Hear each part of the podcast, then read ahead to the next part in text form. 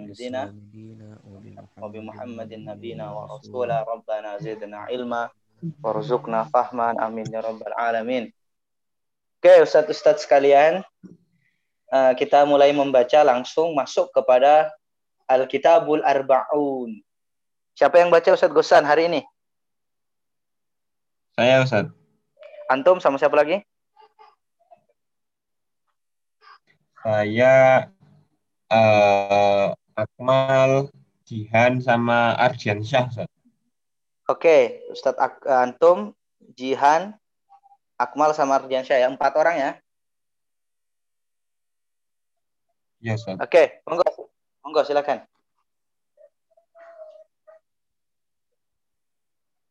Bismillahirrahmanirrahim. Uh,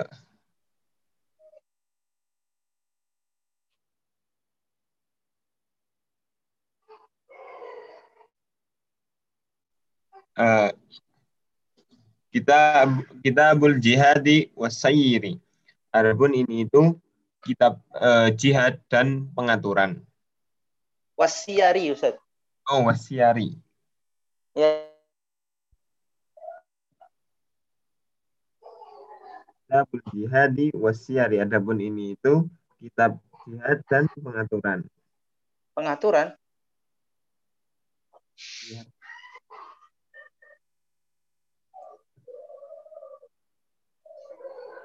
Siar bimana?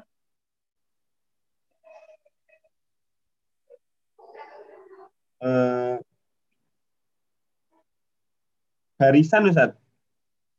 Ya, ya sama lah. Jihad dan perang mungkin gitu ya. Jihad dan perang. Ya. Awalu adapun yang pertama itu abu abu muqaddimatul jihadi. Babab tentang pengantar jihad wabayanu adabihi dan penjelasan tentang adab-adabnya wa ahkamihi dan hukum-hukumnya. Abwabu muqaddimatil Ustaz. Oh. Abwabu muqaddimatil jihadi. Adapun yang pertama itu babab tentang pengantar jihad wabaya wabayani adabihi dan penjelasan adab-adabnya wahkamihi dan hukum-hukumnya. Ya, sip. Adapun yang pertama itu babul hasi bab anjuran alal jihadi atas jihad wafat uh, wafat syahadati dan keutamaan syahadat waribati dan bersiap siaga wal harasi dan perlindungan. Ya. Uh, Anas dari Anas anna Nabi sallallahu alaihi wasallam qala bahwasanya Nabi SAW itu qala berkatalah beliau eh bersabdalah beliau laqad watun sungguh perang itu au sungguh perang au rauhatun atau beristirahat fi sabilillahi di jalan Allah. Ah. Ulang ulang set. Oh lagodwatun sungguh berperang au rauhatun atau uh, rauhatun itu istirahat Ustaz. Bukan, bukan. God Godwah itu juga bukan uh, ya tapi konteksnya memang perang tapi berjalan. Oh. Perjalanan uh, di pagi hari. Lagodwatun sungguh perjalanan di pagi hari. Au rauhatun atau sore hari fi sabilillahi pada jalan Allah itu khairun lebih baik minat dunia daripada seluruh dunia wa ma fiha dan segala sesuatu yang ada di dalamnya. Muttafaqun alaih. Uh, hadis Bukhari Muslim. Wa an Abi Abasin al-Abasil Harisi dan dari Abu Absi al-Haris Qala berkatalah ia, sami'tu Rasulullah mendengarlah aku akan Rasulullah SAW. Yaqulu, bersabdalah beliau. Uh, Manis barot. Barang siapa yang uh, barang siapa yang uh, kedua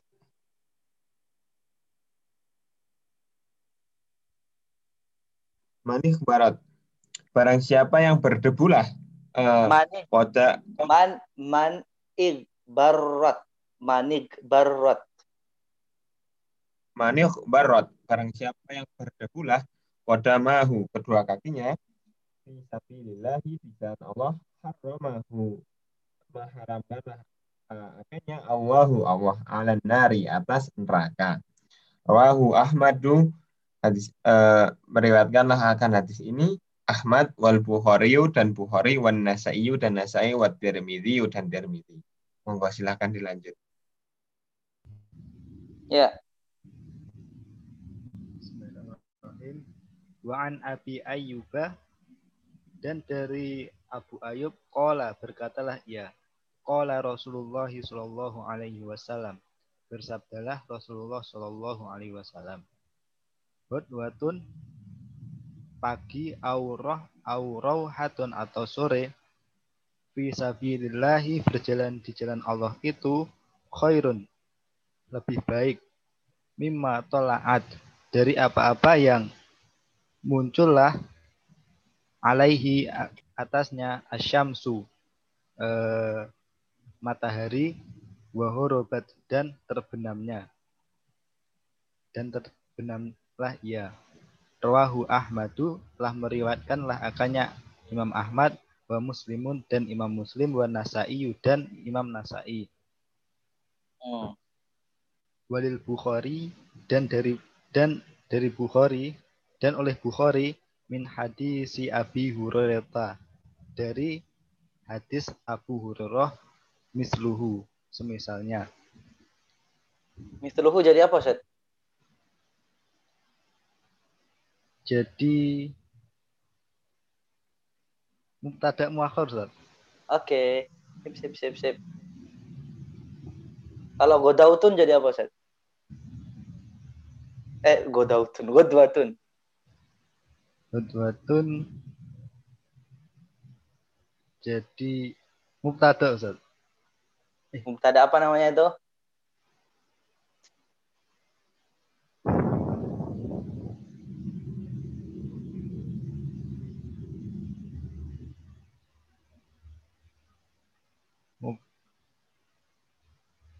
Mubtada.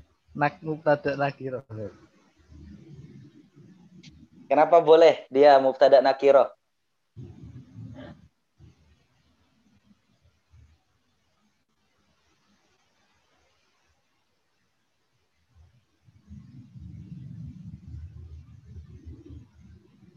Nah, dia boleh karena sudah muta'ayyanun. Mau bi mau eh, yusofu bi mausufin muta'ayyanin. Nah, jadi ingat ini ya. Jadi kalau ada eh, bentuk nakiro tetapi dia menjadi khobar eh dia menjadi mubtada maka nah, salah satu indikasi atau argumentasi eh, kaidah nahwunya berarti dia itu adalah nakiro yang ma'rifah. Nah, karena ini nakiro ma'rifah, tidak semua perjalanan pagi hari, tidak semua perjalanan sore hari itu dianggap khairun. Nah, maksudnya perjalanan dalam arti berperang, berjihad.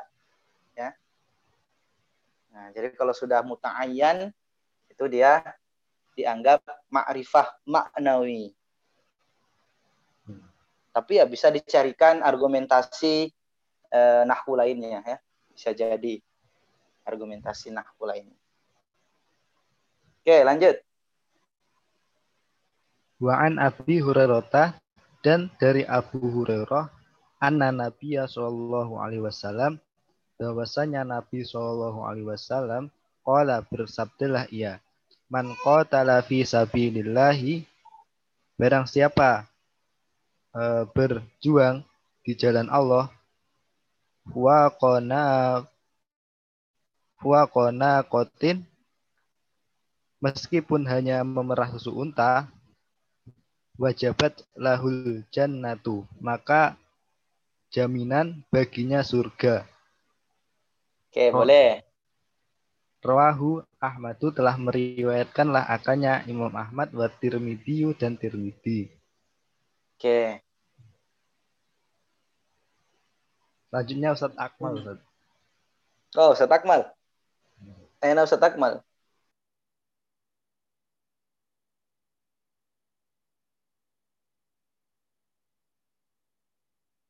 Ustaz Akmal. Halo.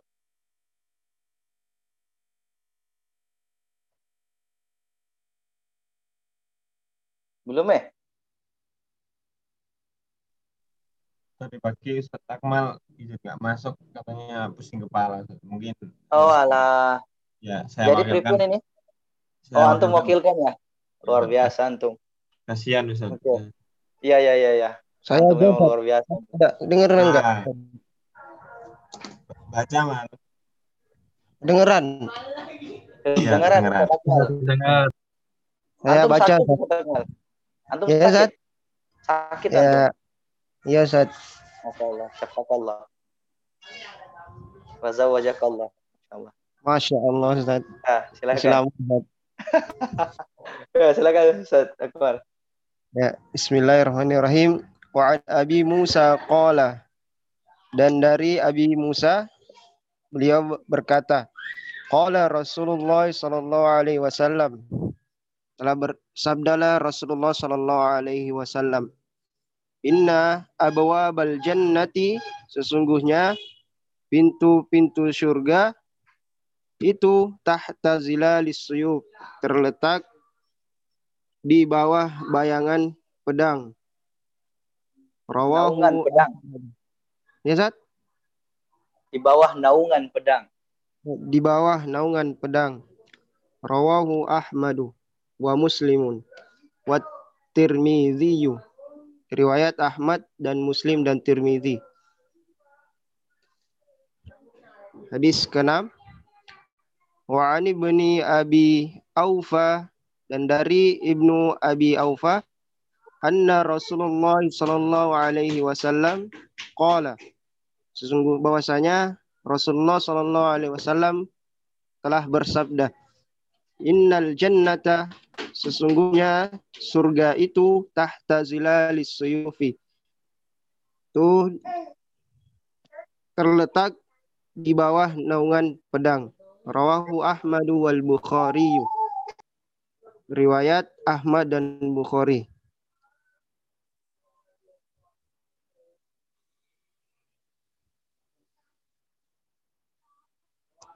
Udah, Zat. Ya lanjut, lanjut. Ya, monggo sekarang Ardiansyah Ustaz. Nardian, Zat. Ardiansyah. Ustaz Ardiansyah. wa wa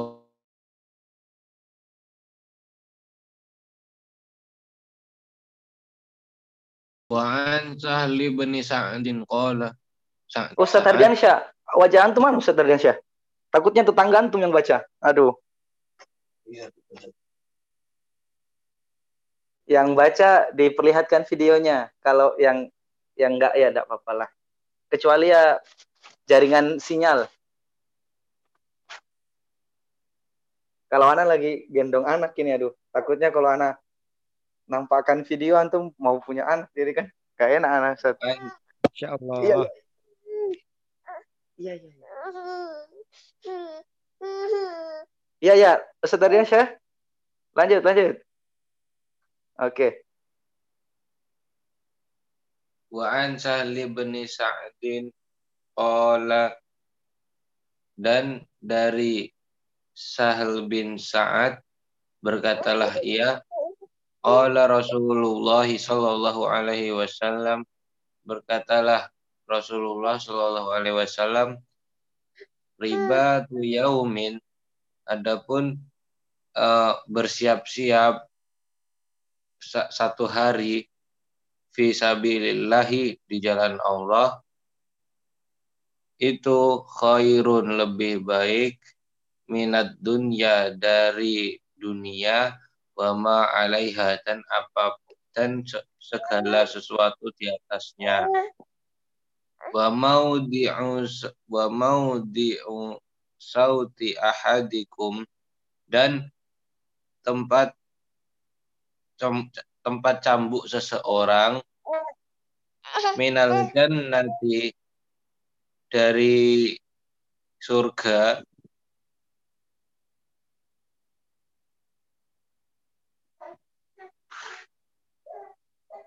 itu khairun lebih baik minat dunia dari dunia wa ma'alaiha dan apa dan apa pun yang ada di atasnya. Wa uh. warauhatu dan uh,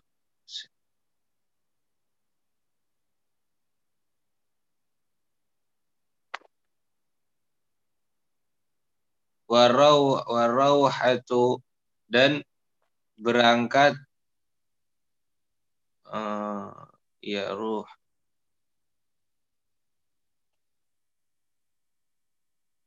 Apa itu? uh, dan pagi hari Dan perjalanan sore hari uh, dan perjalanan sore dan perjalanan sore hari lebih baik dari dunia eh yang mana ini ya? oh, Ar- Ar-Rauha itu sore, Al-Ghadwah itu pagi. oh warauhatu ya ruhuha dan adapun perjalanan sore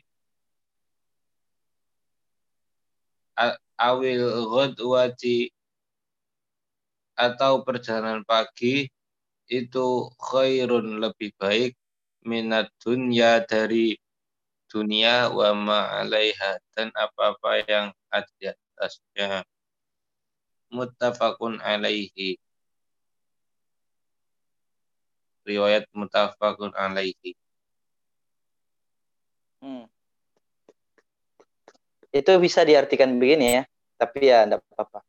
Warauhatu adapun perjalanan sore hari ya ruhuha yang berjalanlah pada waktu itu al-abdu seorang hamba awil godwatu atau berjalan di pagi hari khairun itu khairun lebih baik minat dunya wa ma alaiha dan apa yang terdapat di dalam dunia. Oke, lanjut.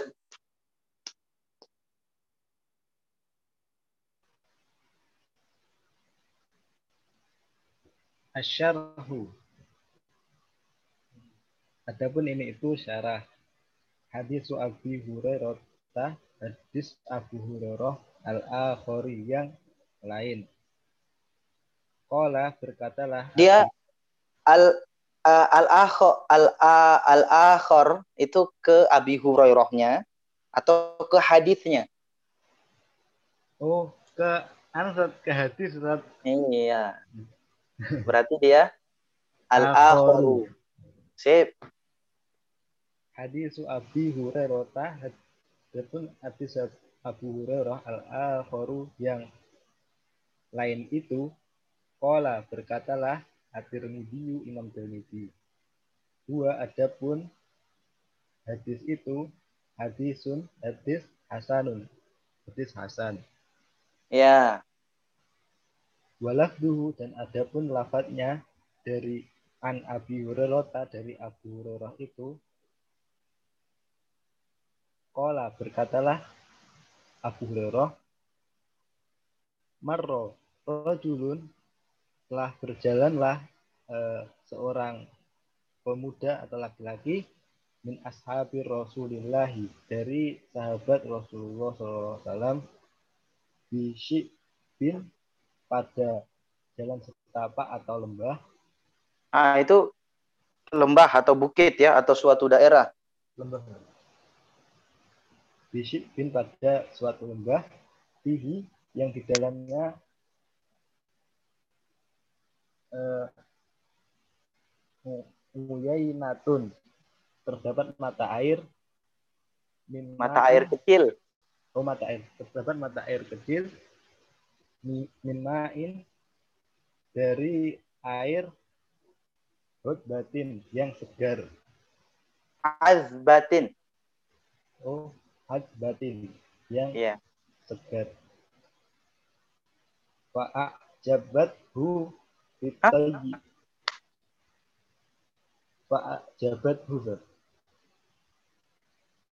Oh iya iya iya. Oke oke betul. Fa'ajabathu litayyibiha.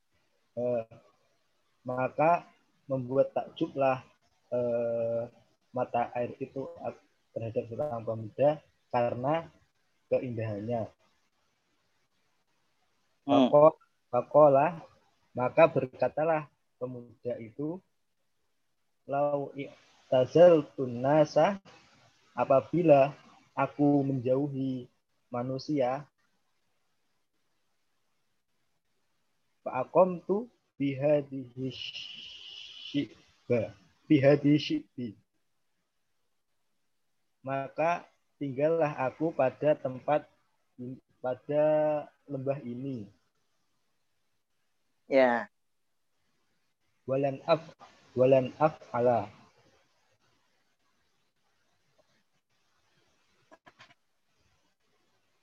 walan af ala dan eh, aku tidak akan melak mengerjakan sesuatu hatta astadina Rasulullah Shallallahu Alaihi Wasallam sampai aku meminta izin kepada Rasulullah. Pada karo zalika maka menyebutkanlah laki-laki itu akan yang demikian itu di Rasulullah Shallallahu Alaihi Wasallam di hadapan Rasulullah Shallallahu Alaihi Wasallam.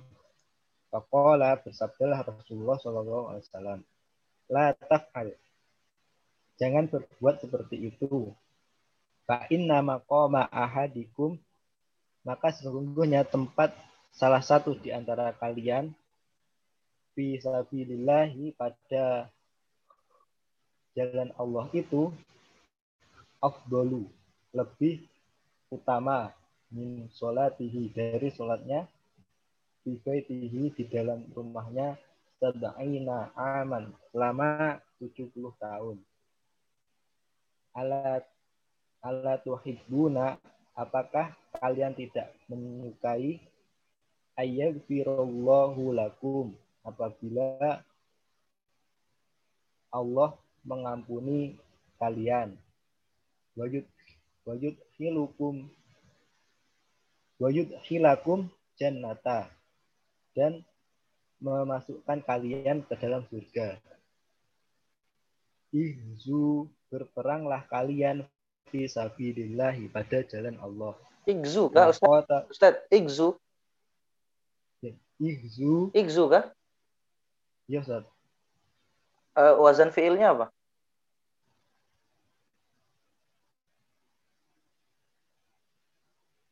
If if'al Ustaz.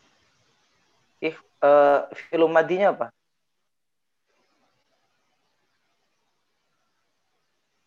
Oh. Huza yahzu uhzu Ustaz. Iya toh? Ul. Heeh. Iya Ustaz. Kan aslinya goza eh, gozawa toh? Iya Ustaz. Gozawa, goza yagzu. Iya. Fa'ala yaf'ulu. Fa'ala yaf'ulu fi'lul amrin. Amarnya Uf'ul, gimana? Uf'ul kan? Iya, Ugzu. seperti sepertinya lebih enak di telinga ugzu.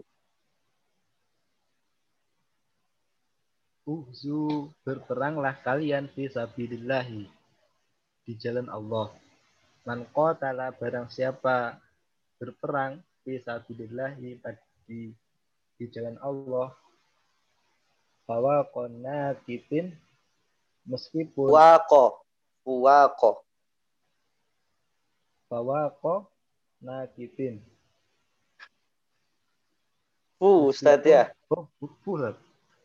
Iya. Puwako, puwako nakitin meskipun Naqati. puwako nakotin meskipun memeras susu unta. Maksudnya Maksudnya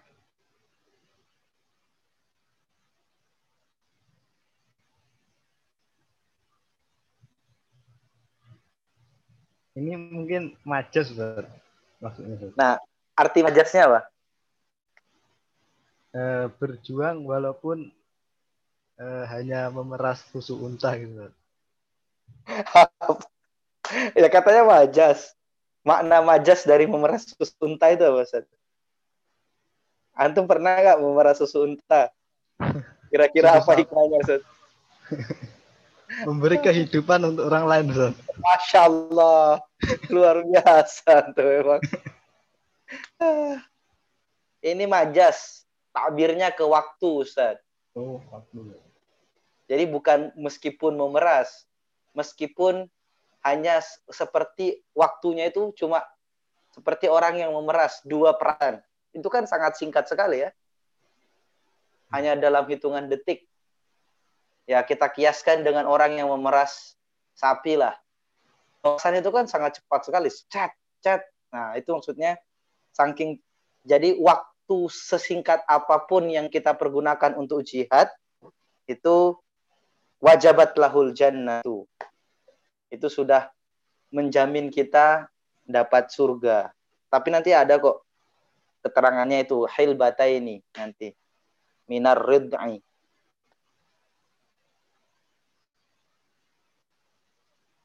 Lanjut, Ustaz. Lanjut. Tapi ini mafhum ya. Hadis yang panjang ini mafhum ya. Ustaz Jihad. Iya, Ustaz. Kurang lebih sedikit paham, Ustaz. Gimana maksudnya antum bahas dengan bahasa kampung antum coba? Eh, Bahasa maksudnya bahasa yang bisa dipahami. ini ada seorang pemuda ingin anu Ustaz, tinggal pada suatu tempat yang anu tempat itu apa ya itu dengan dengan disuguhi keindahan gitu Ustaz. Hmm. Tapi oleh Rasulullah jangan melakukan seperti itu. Sungguhnya tempat salah satu di antara orang-orang itu berjuang di jalan Allah itu lebih baik. Hmm.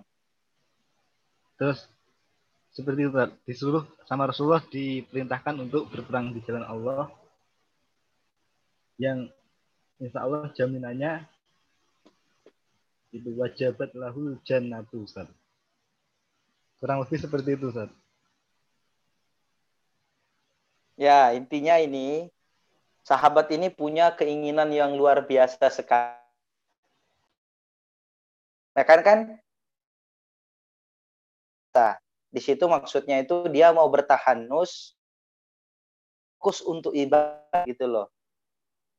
Jadi menjauhkan dirinya dari hiruk pikuk kepenti uh, hiruk pikuk uh, urusan dunia. Nah, jadi sekiranya saya mau bertahanus pasti akan saya pilih bukit ini atau daerah ini. Karena daerah ini uh, apa? tenang, tentram, ada mata airnya yang sangat bagus, lezat, jernih gitu. Makanya bilang, "Wah, saya sudahlah saya bertahanus saja beribadah kepada Allah Subhanahu wa taala." Jadi karena kan dia rojulun min ashabin nabi, jadi seorang lelaki gitu kan. Niatnya orientasinya untuk ibadah. Jadi bersepi-sepi untuk ibadah gitu loh. Karena sahabat tidak mungkin punya eh, apa punya keinginan yang bersifat duniawi seperti mau merasakan apa gitu. Nah, itu pun saja eh, dilarang oleh Rasulullah. Jadi kira-kira dia mengatakan, "Ya Rasulullah, saya mau fokus ibadah, sudah punya saya ada tempat ini yang sangat bagus, insya Allah khusyuk kita itu." Gimana menurut uh, antum ya Rasulullah? Nah, Rasulullah tetap larang, la taf'al, jangan kau kerjakan. Nah, makanya kemudian kiasnya al-mufadolahnya itu uh, dengan jihad ya. Fa inna maqama ahadikum fi sabilillah ya. Jadi jihad itu lebih baik dibanding antum hanya beribadah saja di rumah selama tahun. Tetap keluar untuk berjihad. Nah itu. Itu jadi stressingnya di situ. Uh, maksudnya uh, makosidul hadis ya maksud hadis ini disebutkan di situ. Oke, lanjut. Qauluhu adapun perkataannya kita jihad pada kitab jihad. Qala berkatalah bil fathi pada kitab Al-Fathul Bari. Ini qala ini filenya Ibnu Hajar Ustaz. Betul. Ibnu Hajar yang mengarang Fathul Bari. Berkatalah Ibnu Hajar Al-Asqalani al-jihadu jihad bikasril jim dengan mengkasrohkan jim. Asluhu adapun asalnya luhotan secara bahasa itu al kotu kesulitan. Ini al kotu Yukolu dikatakanlah jah jahat tu jihadan. Jahat tu. Jahat tu jihadan. Hmm. Berjihadlah aku sebenar-benarnya jihad. Ai itu al kota. Sampailah aku kepada kesulitan. Wasyar'an adapun secara syarak istilah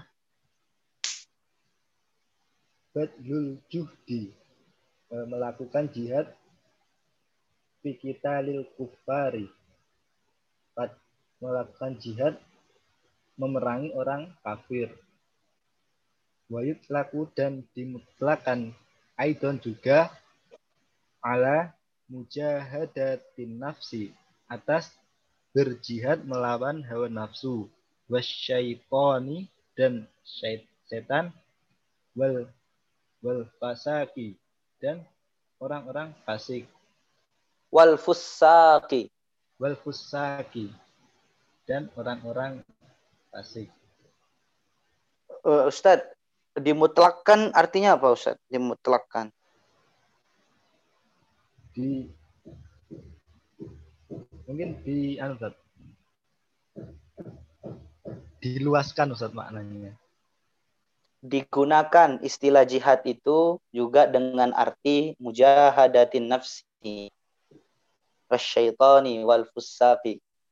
Jadi meskipun secara syar'an dia spesifik kepada titalil kufar, tetapi juga bisa juga dimaknai dengan yut laku itu itu ya.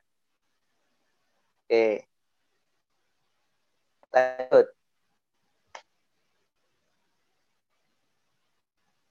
Lanjut, Ustaz. Lanjut. Wa amma mujahadatun nafsi dan adapun berjihad melawan hawa nafsu itu fa'ala ta'allumi umurid dunya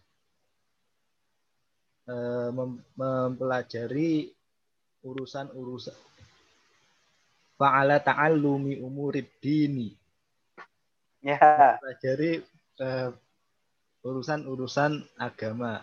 Tumma alal amali biha. Kemudian mengamalkan dengannya. Summa taklimiha. Kemudian mengajarkannya. Oke. Wa amma mujahadat syaitani dan adapun berjihad melawan setan itu fa'ala daf'i ma ya'ti bihi minasyubhati e, menghindarkan diri terhadap apa-apa yang datang dengannya dengan setan dari perkara-perkara yang syubhat. Iya.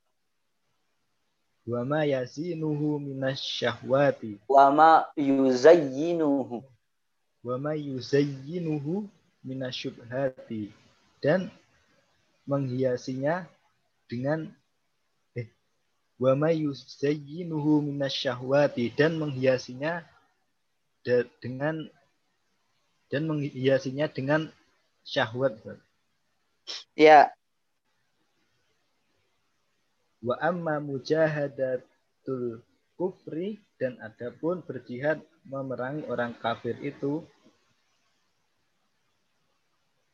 fataqi'u fataqa'u fataqa'u terjadi bilyadi dengan tangan, wal mali dengan harta, wal lisani dengan lisan, wal kolbi dengan hati. Hmm.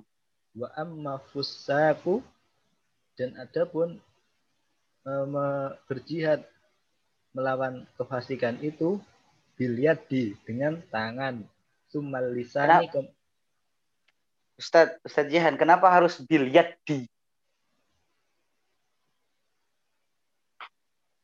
Emang asalnya yadun gitu Ustadz. Yadullah fauqa aidihim kan nggak gitu juga Ustadz. Ya. Bilyadi. bilyadi Nggak Ya, Biduni ada- tasydid kan, Ustaz? iya. Wabil yadi dengan ya tangan, tumal lisani, kemudian dengan lisan, tuma kolbi, kemudian dengan hati. ya Tuma kola. Lanjut, Ustaz. lanjut sesuai dengan eh, persiapan apa murojaah antum Ustaz. Tuma kola, kemudian berkatalah ia, Wuk- Wuktulifah diperselisihkanlah fi jihadil kufari pada jihad melawan orang kafir.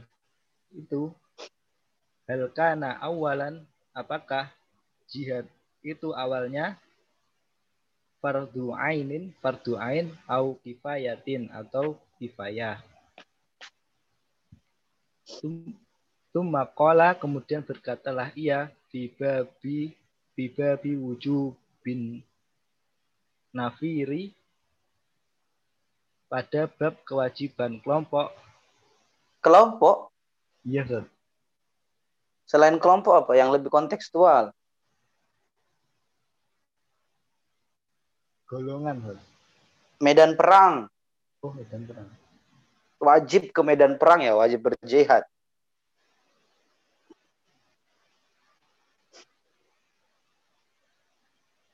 Pada bab kewajiban menuju medan perang fihi yang di dalamnya yang di dalamnya qaulani terdapat dua perkataan atau pendapat masyhuroni yang masyhur lil ulama'i oleh ulama. Wahuma dan adapun keduanya itu di madhab syafi'i pada madhab imam pada madhab syafi'iyah kemudian Ustadz Ardian Ustadz. Ustadz siapa? Ardian Syah Ardian Syah. Monggo Ustadz Ardian Syah. Wa qala al-Mawardi dan berkatalah Mawardi karena adalah jihad itu ainan fardu ain alal muhajirina atas orang-orang muhajirin duna ghairi duna ghair, ghairihim tanpa selainnya wa yu'ayyiduhu dan ditakyidkan akannya Wujud. eh, di apa ya? Di di ditekankan ditetapkan dikhususkan pokoknya. Ya lanjut dulu. wujubil wujubul hijrati. Wajibnya hijrah hijrah qabla al-fathi sebelum kemenangan fi haqqi kulli man pada hak setiap seseorang aslama yang Islamlah dia ilal madinati ke Madinah linasril islami untuk menolong Islam. Aslama artinya apa Ustadz? Islam eh, Islamlah Ya. Oke. Mafhum gak itu Ustadz? Iya. Maksudnya eh, kewajiban jihadnya itu bagi orang muhajir itu fardu ain. Itu telah di eh, kewajiban hijrah itu sudah dikhususkan dari sebelum apa namanya kemen, masa kemenangan untuk setiap orang yang Islam ke Madinah untuk menolong Islam. Ya, eh, ini maksudnya sebagai argumentasi. Kenapa kemudian jihad itu diwajibkan kepada kaum muhajirin? Jadi kan dikatakan wayu ayyiduhu dan menguatkanlah pendapat itu wujubul hijrati.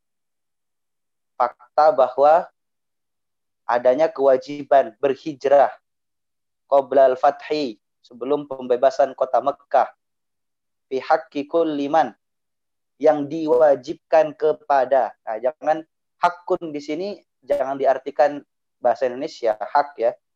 Itu kewajiban yang diwajibkan di mana hijrah itu diwajibkan kepada setiap orang yang telah menyatakan Islam. Nah, hijrahnya ke mana? Ilal Madinati ke Madinah linasril Islami untuk menyelamatkan keislamannya. Jadi eh, ini pakai kias ya. Jadi ya karena muhajirin itu diwajibkan hijrah, maka kewajiban hijrah itu eh, berbarengan dengan kewajiban jihad seperti itu. Jadi meskipun tidak disebut wujubul kitali atau wujubul wujubul jihadi, nah, tetapi tetap eh, dianggap wajib karena adanya wujubul hijrati. Oke, begitu ya. Lanjut. Waqala sahiliyu dan berkatalah Suhaili. Oh Suhaili. Waqala Suhaili dan berkatalah Suhaili karena adalah jihad itu ainan fardu ain alal ansori atas orang-orang ansor tuna ghairihim tanpa selainnya wa yu'ayyituhu dan menguatkanlah akannya. Mubayyatuhum bayat-bayatnya. Uh,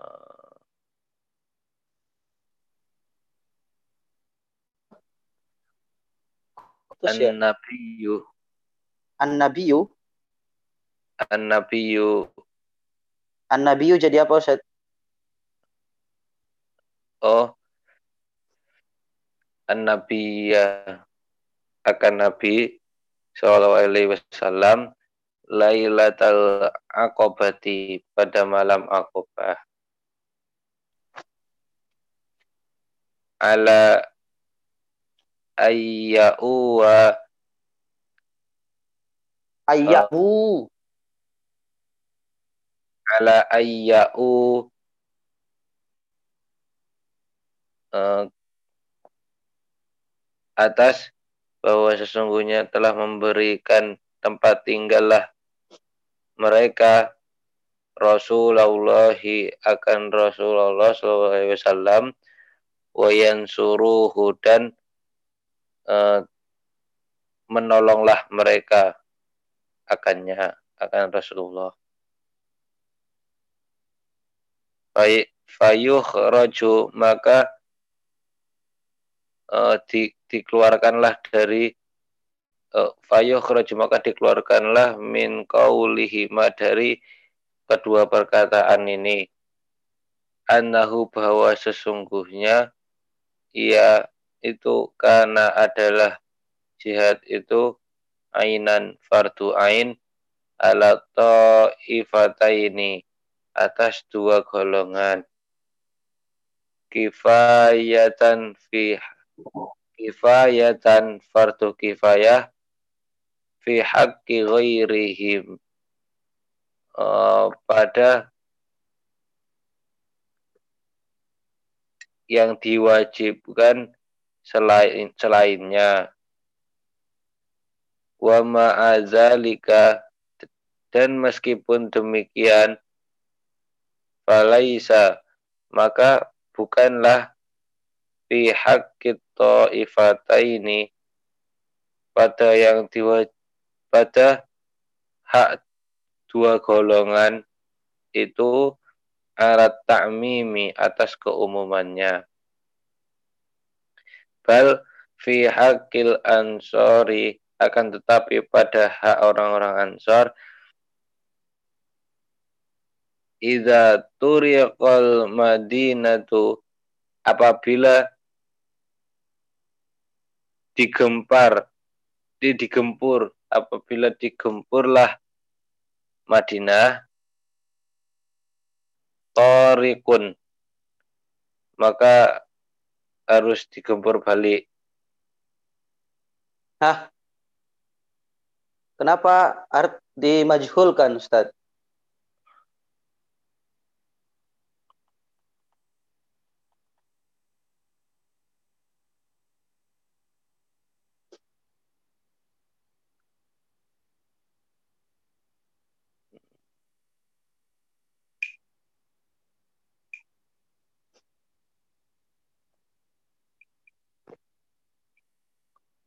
Iza toroko.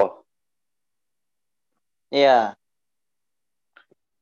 Iza torokol madinatu apabila uh,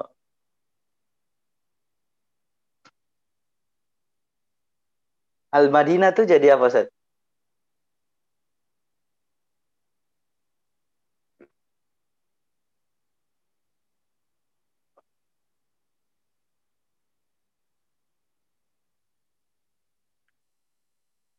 Ustaz Rifan.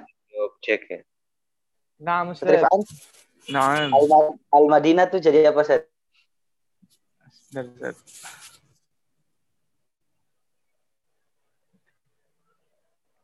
Jadi maful Ustaz.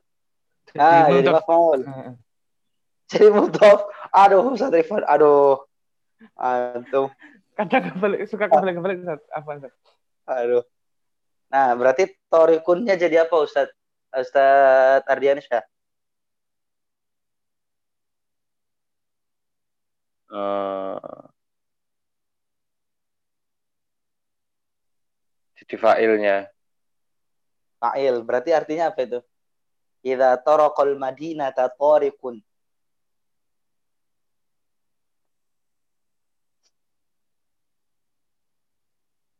Ba- Bacaan ini. Nggak baca niki. Orang- artinya? Orang orang yang menyerang. Orang yang Iya. Tip. Iya kan gampang kan? Tidak usah dimajhulkan. Jadi eh ke majhul itu kalau eh, indikatornya itu yang pertama ketika tidak ada fa'il. Contoh tadi itu. Yang summa qala. Ah, kan bisa ikhtala dimungkinkan dibaca ikhtalafa, dimungkinkan dibaca ukhtulifa. Ah, kenapa lebih memilih dibaca ukhtulifa karena kalimat setelahnya itu eh, di- tidak kayak sepertinya tidak ada fa'ilnya gitu. Nah, itu oh ini lebih cocok dibaca ukhtulifa. Nah, jadi pengalaman saya yang setelah fiil itu tidak ada yang cocok menjadi fa'il, maka fiil itu dibaca majuhul. Ini meskipun bukan berarti berlaku secara pasti ya, tidak. Tapi umumnya kayak gitu. Yang kedua, dia dibaca maf, eh, dibaca eh, majuhul kalau eh, fa'ilnya sebenarnya sesuatu yang tidak pantas menjadi fa'il. Nah, ya. Seperti kan kata-kata eh, apa eh, yang dicontohkan itu dipukul gitu ya. Misalnya anjing memukul Zaid itu kan tidak bisa, tidak mungkin gitu kan. Ah, berarti eh, anjing karena di situ anjing menjadi fa'il, berarti dan dia tidak mungkin tidak mungkin memukul Zaid, maka berarti mukulnya di situ pasti majhul. Anjing dipukul oleh Zaid gitu. Jadi uh, ada ketidakmungkinan. Sepertinya ini tidak mungkin jadi fa'il. Nah, kalau ini kan sudah jelas ya. Setelah Al-Madinah itu kan bentuk isim fa'il. Nah, berarti lebih dipilih untuk menjadi fi'il. Toroko Al-Madinata Torikun. Itu sepengalaman saya, tapi memang tidak berlaku umum. Bukan berarti kaidah pasti, tapi ini pengalaman seperti itu ya. Dan e, pengalaman itu kadang juga berguna ya, meskipun ya nanti konteksnya di masing-masing kitab berbeda. Oke, diselesaikan itu Ustadz sampai titik. Iya. Wafi, oh diulangi lagi itu Ustadz.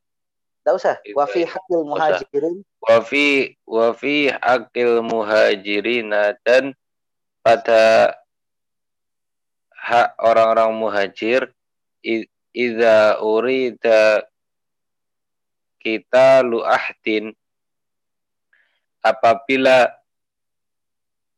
uh, menginginkanlah berperang seseorang minal kufari mem memerangi Ya.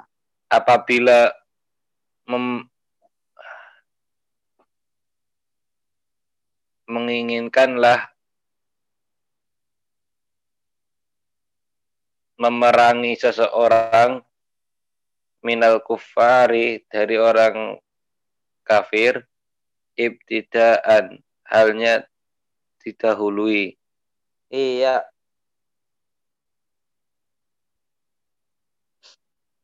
wakila dan dikatakanlah sampai, sampai di situ dulu ya. Oh iya. Oke oke terima kasih. Uh,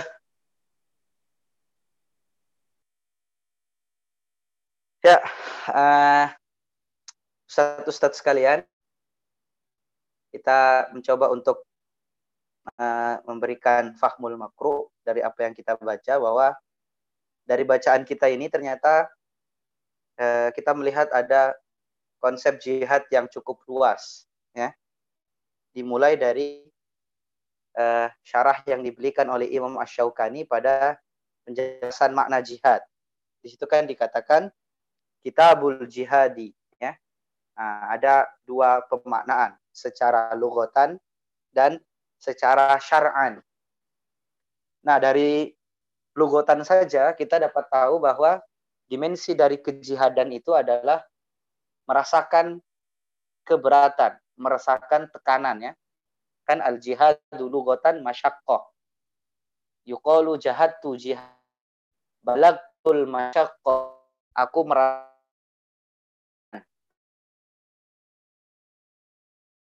kalau tidak ada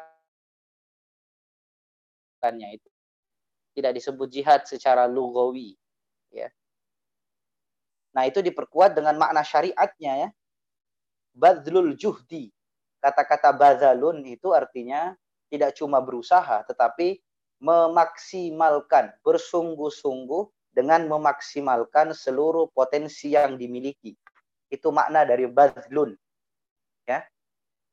Jadi kesungguhannya itu maksimal. Nah, dia tidak sungguh-sungguh tapi eh, setengah-setengah tidak ya. Jadi juhdi fi kita lil kufar. Jadi bersungguh-sungguh dengan memaksimalkan segala potensi yang ada, kemampuan yang ada untuk memerangi orang-orang kafir. Nah, eh, ini secara syariat fikih ya. Dan memang ini harus diakui karena eh, kata jihad di dalam Al-Qur'an memang identik maknanya adalah perang. Ini harus eh, secara semantik memang Al-Qur'an membahasakan al jihadu isabilillah itu eh, dengan maksud perang. Nah, tetapi maksud yang spesifik ini kemudian diperluas dalam penggunaan kata jihad itu sendiri, baik dalam hadis maupun dalam kaulul ulama, ya. Nah, makanya kan wa yutlaqu aidan ala mujahadatin nafsi wasyaitani wal fusaqi. Nah, kata jihad ini juga sering digunakan oleh dalil-dalil lain nah, baik untuk arti berjihad melawan diri sendiri secara inal maupun melawan syaitan maupun melawan orang-orang fasik. Nah, fa'amma jahadatun nafsi. Nah, apa bentuk mujahadatun nafsi?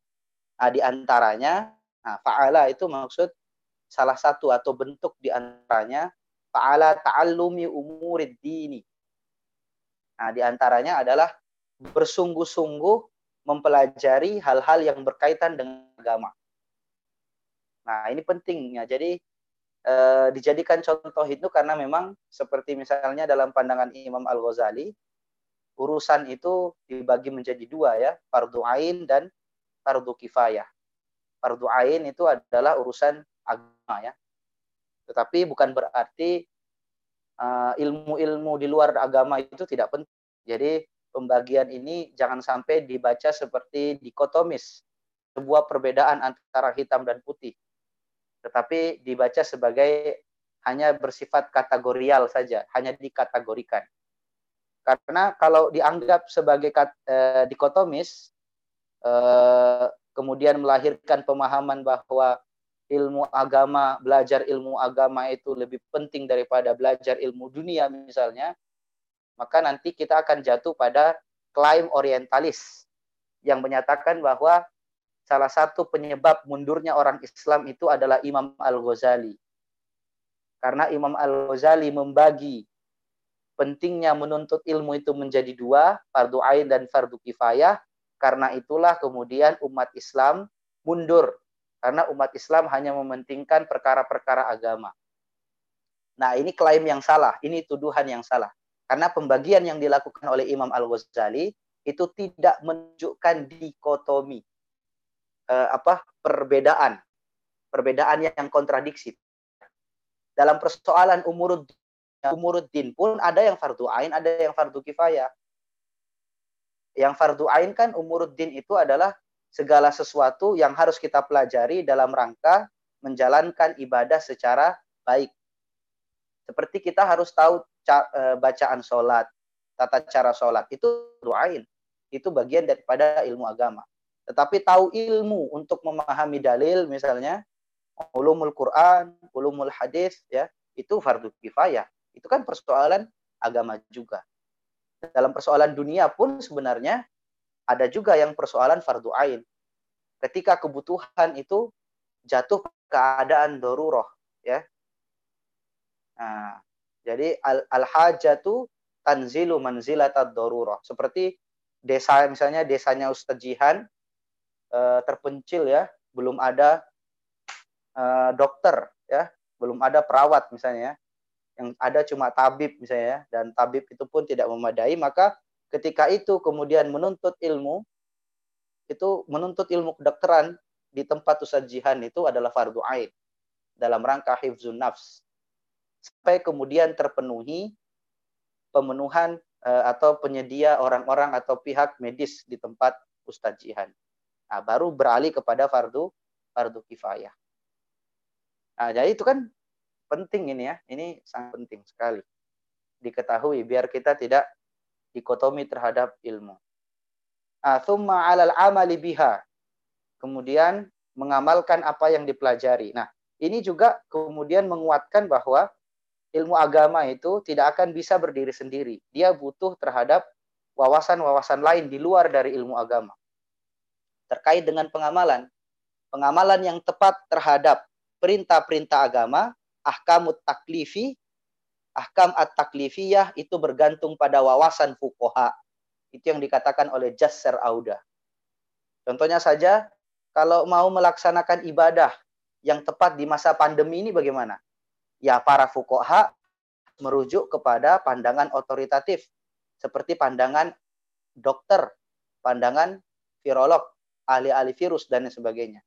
Kalau tidak rujuk pada pandangan-pandangan ini, maka bisa jadi pelaksanaan terhadap ibadah justru bertentangan dengan tujuan syariat itu sendiri. Allah, nggak usah takut tidak sholat jamaah. Justru sholat jamaah ini menghindarkan kita dari virus. Itu pengamalan ibadah yang tidak sesuai wakil namanya. Nah, itu juga menunjukkan betapa pentingnya ilmu-ilmu lain. Tidak, bukan berarti ilmu lain tidak penting dengan dibanding apa ilmu agama.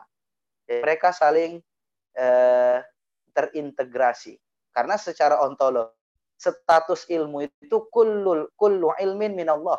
Semua ilmu itu pasti dari Allah Subhanahu wa taala. Nah, yang menjadikannya buruk itu adalah af'alul ibad, perbuatan manusia. Baik imma i'tiqadiyan atau imma fi imma uh, jawahir ya. Baik itu yang bersifat i'tiqad maupun yang bersifat amal. Jadi tidak ada ilmu yang jelek ya. Ilmu yang jelek itu adalah ilmu yang diakibatkan oleh perbuatan manusia itu sendiri. Pengetahuan terhadap kesyirikan itu penting di, diketahui agar kita terhindar dari syirik itu. Kan begitu.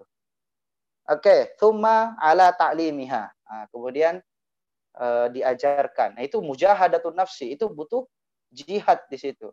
Jadi jangan dianggap bahwa orang yang berfisika itu tidak jihad ya. Gara-gara antum baca ini fa'ala ta'allumi umuriddin. Nah, jadi yang dikatakan jihad nafsi itu adalah belajar agama toh. Belajar agama lain tidak dikatakan jihad. Jangan sampai seperti itu ya. Itu pengal apa? Pemahaman yang sempit itu. Semua belajar asalkan dalam rangka taqarrubun ilallah itu bagian daripada umuriddin seperti itu. Ah, kemudian di situ dikatakan wa amma mujahadatus syaitan. Nah, fa'ala daf'i ma ya'ti bihi minasyubhat wa ma yuzayyinuhu syahawat ya. Nah, kita menolak, menghindari segala syubhat yang didatangkan oleh syaitan, segala syahwat yang dimanipulasi indah, ditampakkan indah oleh syaitan kepada kita. Nah, dari ini kita tahu bahwa syaitan itu hanya memanfaatkan potensi-potensi keburukan yang ada dalam diri kita. Ya. Fa'alhamaha fujuroha wa taqwaha. Makanya eh, Nauman Ali Khan itu mengatakan bahwa kurang tepat kalau kita melaku, melakukan sega, apa? Kita melakukan kesalahan, kita selalu menuduh setan. Itu kurang tepat itu. Karena sebenarnya melawan setan itu diawali dengan lawan diri sendiri. Ya, jadi hawa nafsu kita tundukkan sehingga tidak punya piranti untuk menggoda kita. Tidak ada orang yang dirasuki setan kemudian minum alkohol ya. Kemudian gara-gara alkohol itu dia dihukumi berdosa, tidak ya? Kalau yang di, di, kalau yang dikatakan betul-betul akibat setan itu ada orang yang dirasuki setan, terus gara-gara dirasuki setan dia membunuh. Nah, itu perbuatan membunuhnya itu diakibatkan oleh setan gitu.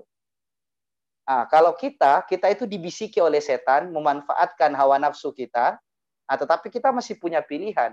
Mau ikut bisikan itu akhir amanah yang diberikan Allah kepada kita. Kemudian untuk memilih. Maka kalau orang berbuat salah dalam pandangan ini, tidak sepenuhnya kesalahan setan. Tapi juga ada kesalahan manusia itu sendiri Nah, karena tidak bisa mengontrol, tidak bisa berjihad terhadap dirinya dan tidak bisa berjihad menundukkan hawa nafsunya, nah, sehingga hawa nafsu itu dimanfaatkan oleh syaitan. Nah, kemudian wa amjahadatul kufar ya. Ini juga kufar itu maksudnya kenapa disebut kata-kata kufar itu mungkin orang kafir dan orang kafir yang e, menampakkan e, permusuhannya ditampakkan secara fisik secara verbal ya. Adapun orang kafir yang tidak mengganggu dan lain sebagainya ya kita bisa hidup hidup berdampingan tetapi tetap e, dakwah itu jalan seperti itu. Jadi kita harus membedakan cara kafir e, penekanan dalam Al-Qur'an terhadap kafir dan kufar. Nah, jadi kafir dan kufar itu tidak hanya menunjukkan perbedaan kualitas bahwa kafir itu satu, kufar itu banyak, tidak. Tetapi kafir itu bisa jadi dia kafir terhadap dirinya sendiri tetapi tidak punya tidak punya upaya untuk mengganggu kita. Tapi kalau kufar itu kekafiran yang mana orang kafir itu juga mengganggu diri kita. Mengganggu stabilitas umat Islam seperti itu. Nah, untuk orang-orang kafir yang tidak beriman maksudnya, yang tidak beriman tetapi tidak ada konfrontasi secara fisik, maka kita mencontoh Rasulullah seperti Rasulullah hidup dengan orang non-muslim di Madinah.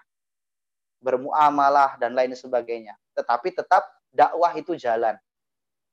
Tetapi untuk orang kafir yang menfitnah, eh, melakukan konspirasi dan lain sebagainya, nah ini dalam kaedah fikih inilah yang kita harus lawan secara fisik dalam dalam rangka mempertahankan keamanan kita, dalam rangka mempertahankan umat kita. Karena mereka punya mereka punya aktif, maka kita mem, kita memunculkan reak, reaksi.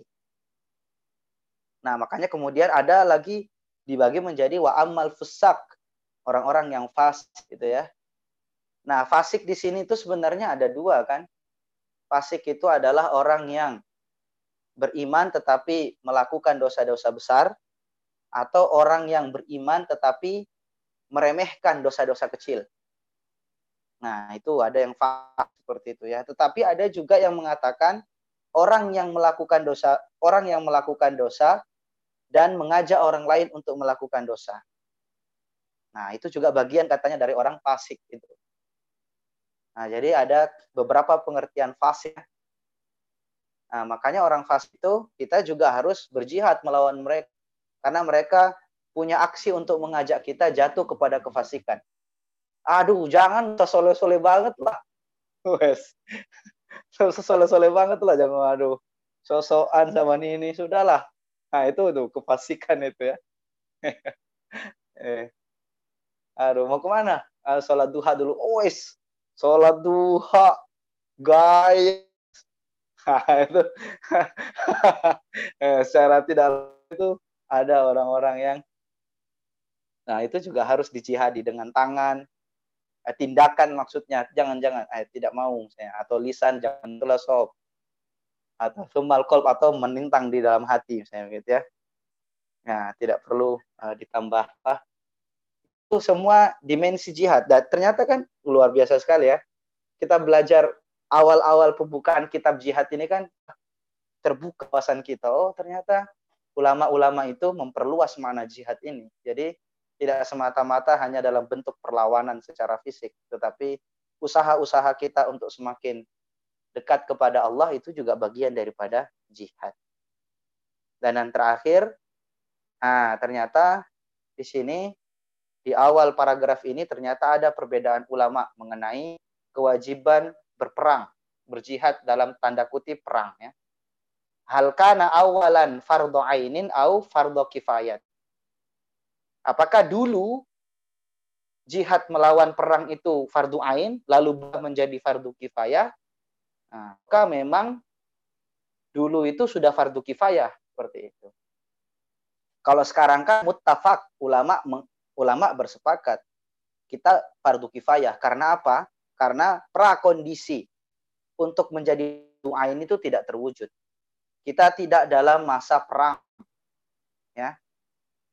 Nah, eh, kompetisi kita dengan orang non-muslim tidak dalam soal perang seperti itu.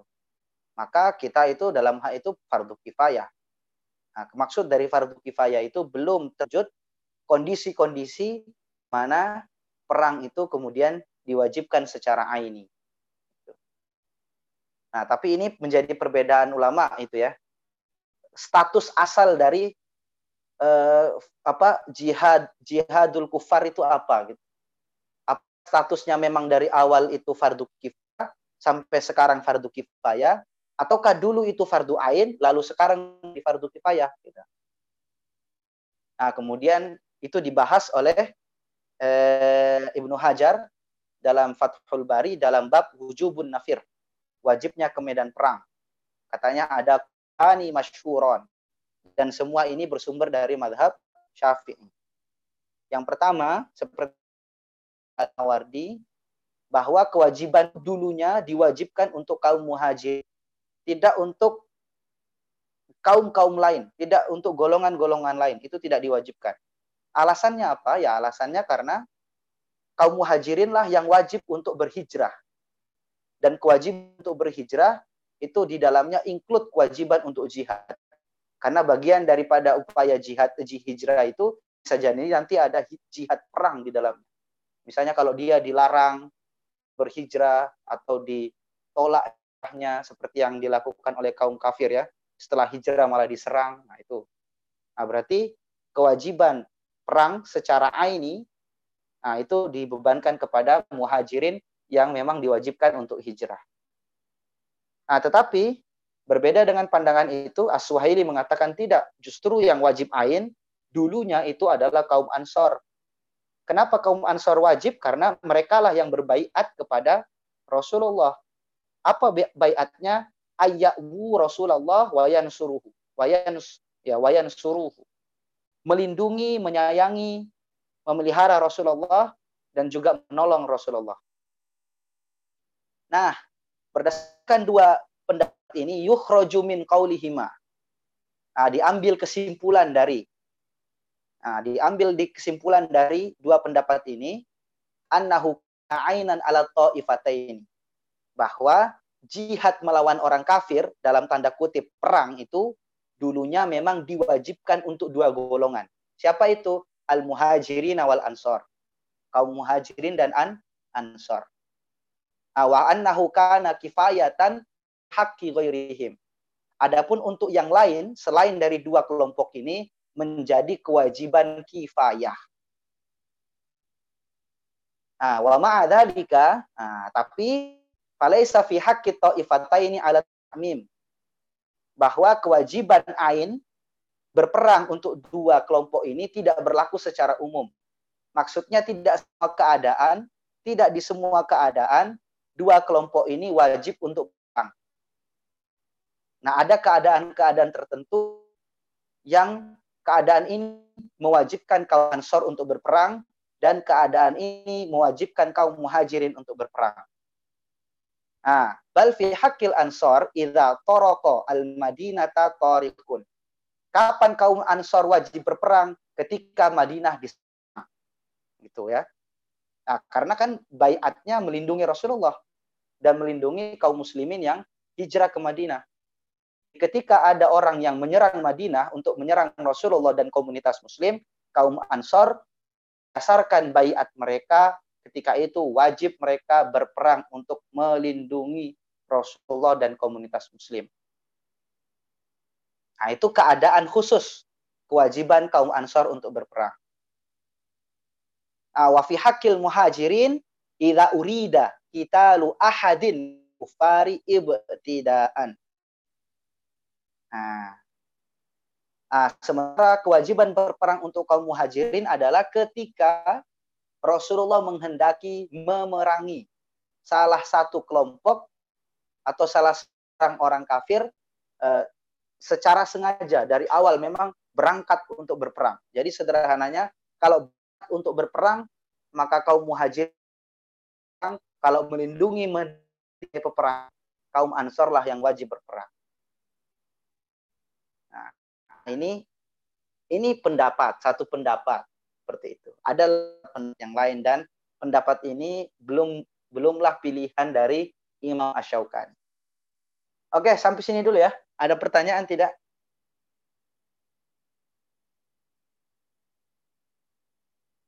Oke, kalau tidak ada, saya rasa cukup saja dulu. Uh, tidak usah terlalu lama, kasihan antum ya. Oke, uh, mari kita tutup dengan doa kafaratul majelis. Subhanakallahumma wa bihamdik.